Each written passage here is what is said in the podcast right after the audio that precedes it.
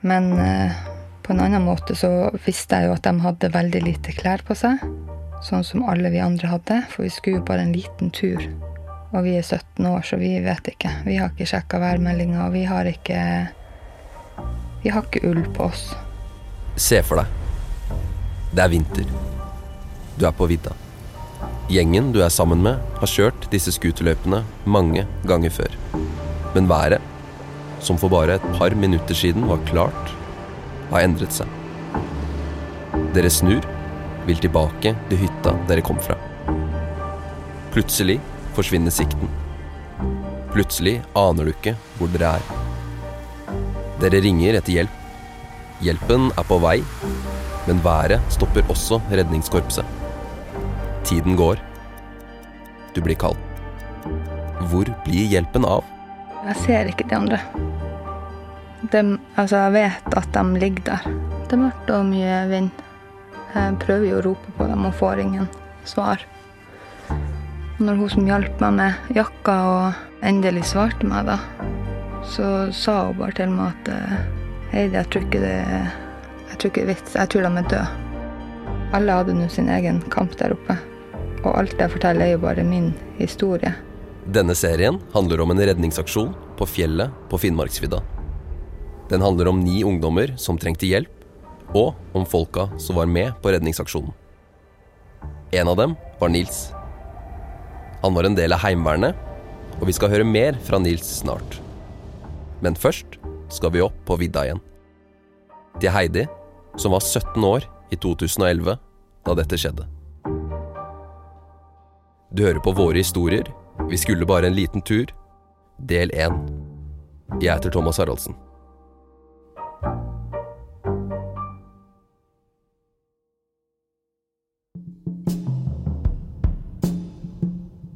Det starter med at uh, vi er på hyttetur.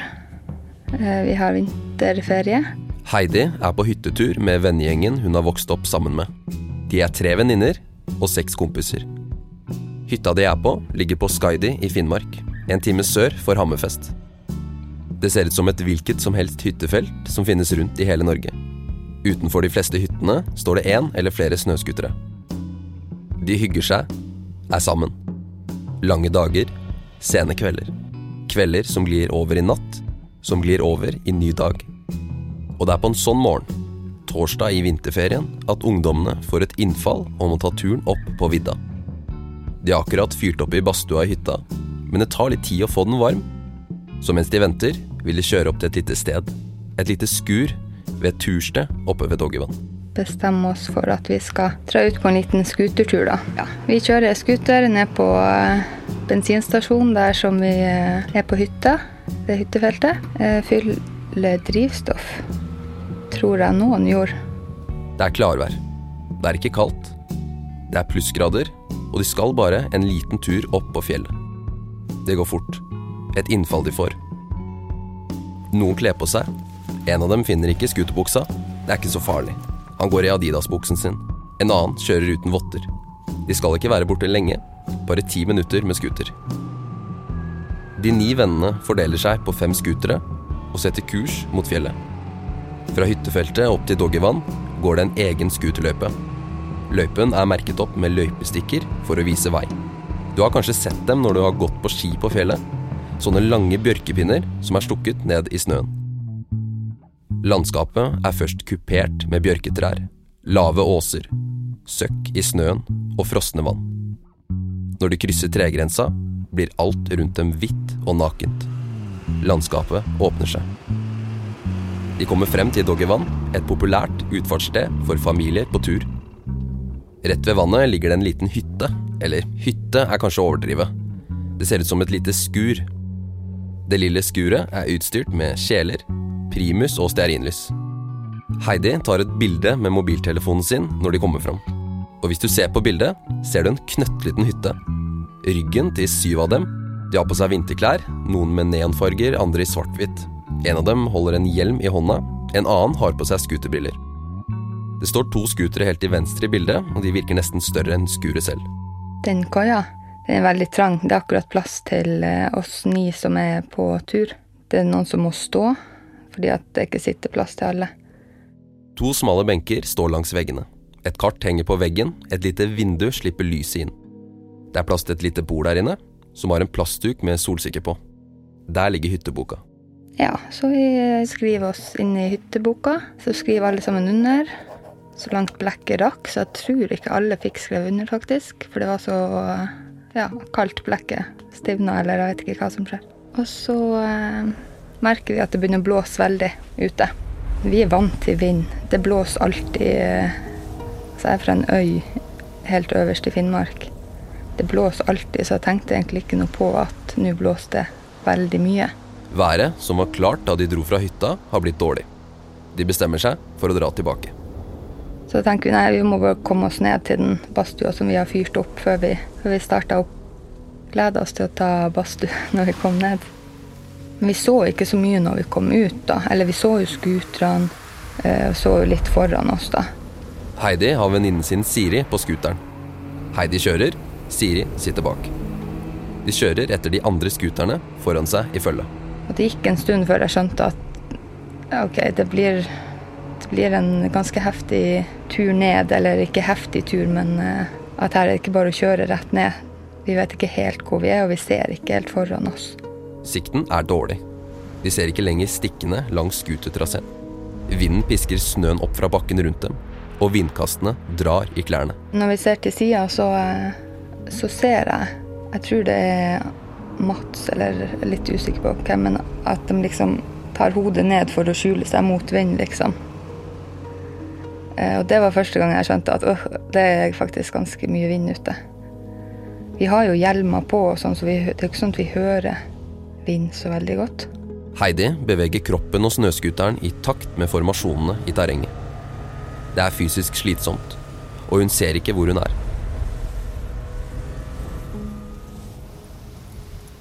Når været blir dårligere, blir også farene på vidda flere. Vinden forandrer terrenget, og det danner seg snøskavler. Så det er én eller to, jeg husker ikke helt, men det er noen som ikke ser, eller som havner litt på feil plass på den bakken, klippa. Så de ramla av scooteren, og scooteren begynner å rulle rundt. Og det var egentlig da jeg skjønte at OK, vi ser jo faktisk ingenting. Altså, det her er ikke bra. Men ja, det gikk nå bra, det, da. Eh, akkurat den lille hendelsen. Eh, var bare å få scooteren på skiene eller beltet igjen da, og så opp og kjøre videre. Å velte med snøscooter er ganske vanlig, men for hvert minutt som går, blir kjøreforholdene verre. Vinden blåser kraftigere, sikten blir dårligere. Etter hvert ser de bare scooteren rett foran seg. Så så vi egentlig ingenting. Med mindre, altså Vi måtte bare følge scooteren foran, og for å følge den, så måtte vi krasje i den.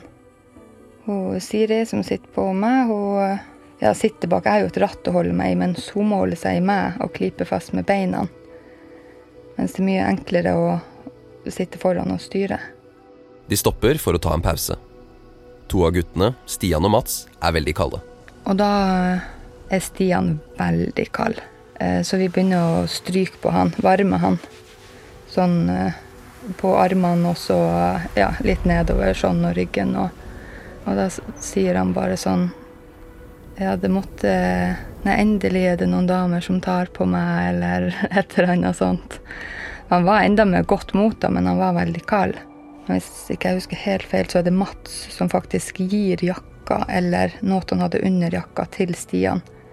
Fordi han så at Stian var enda kaldere enn det han var. Så her står vi midt oppi en orkan.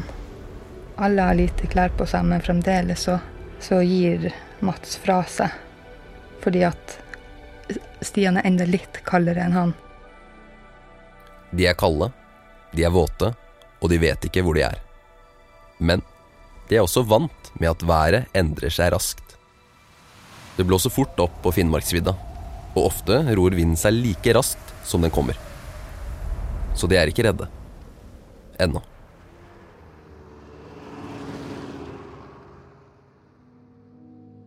Heidi husker ikke helt hva som skjer når og hvordan det skjer, men plutselig er scooteren med Mats og Stian forsvunnet fra følget. De fem scooterne har blitt til fire. Jeg vet på en måte ikke om jeg enda skjønner alvoret, selv om vi har mista dem. Jeg klarer ikke helt å eh, beskrive den følelsen. Fordi jeg har, jeg har enda Altså, jeg er enda ganske varm da. Og du vet, Stian og Matt som forsvant fra oss, de er mye mer fjellvante enn det vi var. Og jeg, på en måte, jeg ble jo veldig redd når vi ikke var med dem lenger. Men på en eller annen måte så følte jeg at uh, de der to Hvis det er noen som klarer seg, så er det de to, liksom. Plutselig oppdager de at de kjører i ring. Den plassen, den kom vi fram til tre ganger. Samme plass. Og når vi kom fram til den den tredje gangen, da skjønte vi at vi har ikke peiling på hva vi styrer med. Her har vi kjørt i ring lenge. Så vi må bare finne en plass og få ringt. Vi trenger hjelp, liksom. Det er først da, når to av dem blir borte, at frykten kommer. Rekken av scootere kommer til en trang passasje. En liten kløft med fjellknauser på hver side. De stopper opp. Klokka har blitt ni på morgenkvisten. Og det er da, i nitiden, at både Stian og Mats, de to som forsvant fra de andre, og Heidi og gruppen hennes ringer til politiet. De trenger hjelp. Så da ringer en av guttene. 112, regner jeg med. Jeg vet ikke. Jeg tror det bare var en telefon som fikk inn dekning. Fordi at jeg prøvde å ringe både ja, 112 og 110 og 113 og mamma. mange ganger. Jeg prøvde å ringe mange ganger. Vi sto jo med en sånn mast, sånn Telenor-mast, men den var jo slått ut siden det var jo orkanstyrke. Etter hvert, i hvert fall. Politiet mottar nødmeldingen og setter i gang en leteaksjon. Ni ungdommer har kjørt seg vill på fjellet. Politipatruljer mobiliseres og sendes mot stedet. Røde Kors, frivillig letemannskap og lokalt reinpoliti blir varslet. Forsvaret blir spurt om å bidra i leteaksjonen. Og i Forsvaret er det Heimevernet som får oppdraget.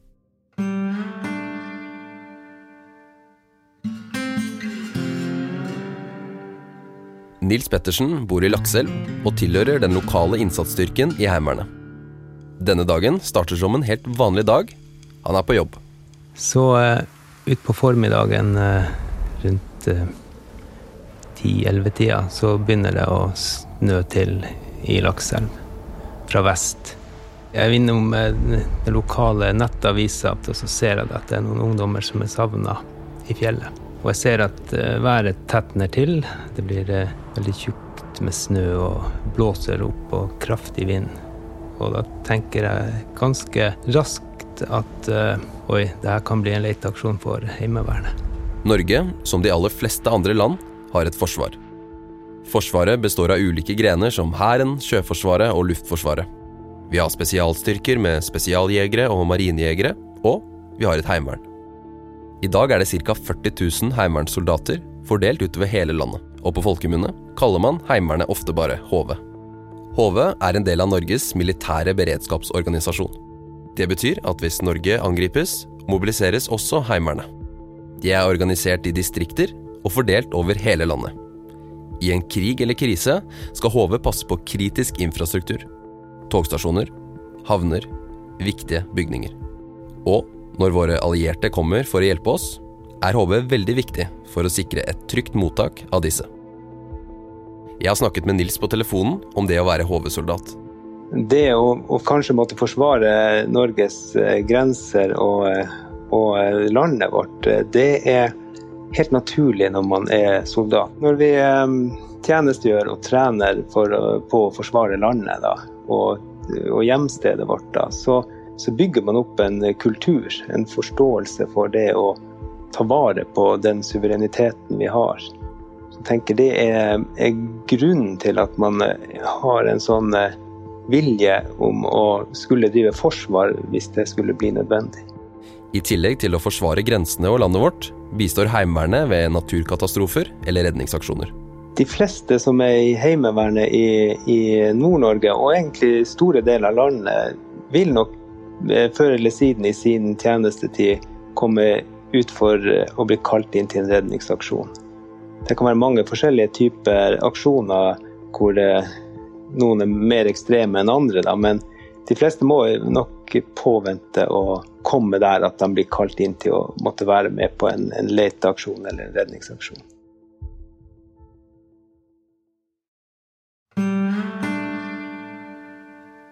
Dagen starter med at jeg eh, drar hjemmefra og skal på jobb på kontoret mitt. Og eh, det er helt stille ute. Det er som i et vakuum. Det er, det er en sånn total stillhet i, i, været, da, som man ofte opplever før eh, det kommer skikkelig storm. Et sånn stille før stormen-sug, da. Det går riktignok ikke så veldig lenge før telefonen min ringer fra Porsangmoen med spørsmål om jeg kan bistå i en leteaksjon, da. Og det sier jeg, det går fint, jeg er klar. Når vi får en melding om at eh, det ønsker bistand fra Heimevernet i en redningsaksjon i egentlig uansett vær, så er vi pakka og klar i den standard oppakninga vi har utlevert. Så vi tar utstyret med oss og kler på oss uniformen og de effektene vi bruker på den årstida det her skjer på, da, og da er vi rusta til å overleve ute i eh, ekstremt vær med det utstyret vi har med. Så vi er egentlig alltid klar.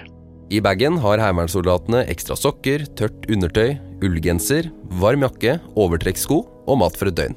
Uniformen min den ligger alltid øverst i bagen, så det er bare å åpne lokket og ta den på seg. Når man ikke er ute på oppdrag, ligger bagen med utstyr hjemme hos hver enkelt heimevernssoldat. Nils må derfor hjemom for å hente den bodde jo da fem minutter fra kontoret, så det var raskt hjemme. og Fikk på meg uniformen og de klærne jeg skulle ha da, og, og var klar. Nils har plukket opp to andre heimevernssoldater på veien. Ja, da måtte vi kjøre og hente snøscootere som uh, sto klar, som var klargjort av andre. da. Så det var bare å kjøre de scooterne opp på tilhengeren og knyte de fast, og starte ut til uh, Billefjord, hvor politiet hadde etablert en sånn uh, operasjonssentral. Allerede på vei til operasjonssentralen starter Nils og de to makkerne å forberede seg mentalt og fordele oppgaver. Og på veien dit da i bilen så snakker vi jo mye om det som eh, kan møte oss da av eh, stort sett vær, da, og hvordan vi skal håndtere kjøringa med snøscooter, og hvordan vi skal unngå å komme bort fra hverandre. og for eh, vi er jo ingen i tvil om at der håndterer vi. Vi er vant til å være ute og har vært ute i et sånt vær før. De tre heimevernssoldatene kommer frem til barnehagen som er gjort om til en operasjonssentral. Været er ekstremt dårlig. Politiet, som leder redningsaksjonen, vurderer været som for krevende til at letingen kan starte. De må vente.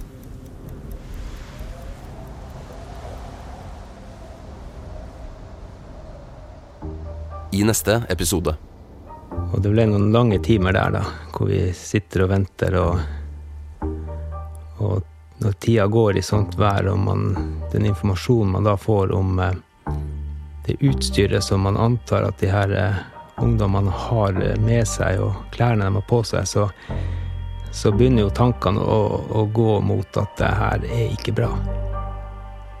Det, det her kan gå riktig ille, da. Nå har vi ikke mulighet til å komme oss ned lenger, fordi nå har ikke vi drivstoff til å komme oss ned, og vi kan ikke gå. Denne podkasten er laget i dialog med de pårørende.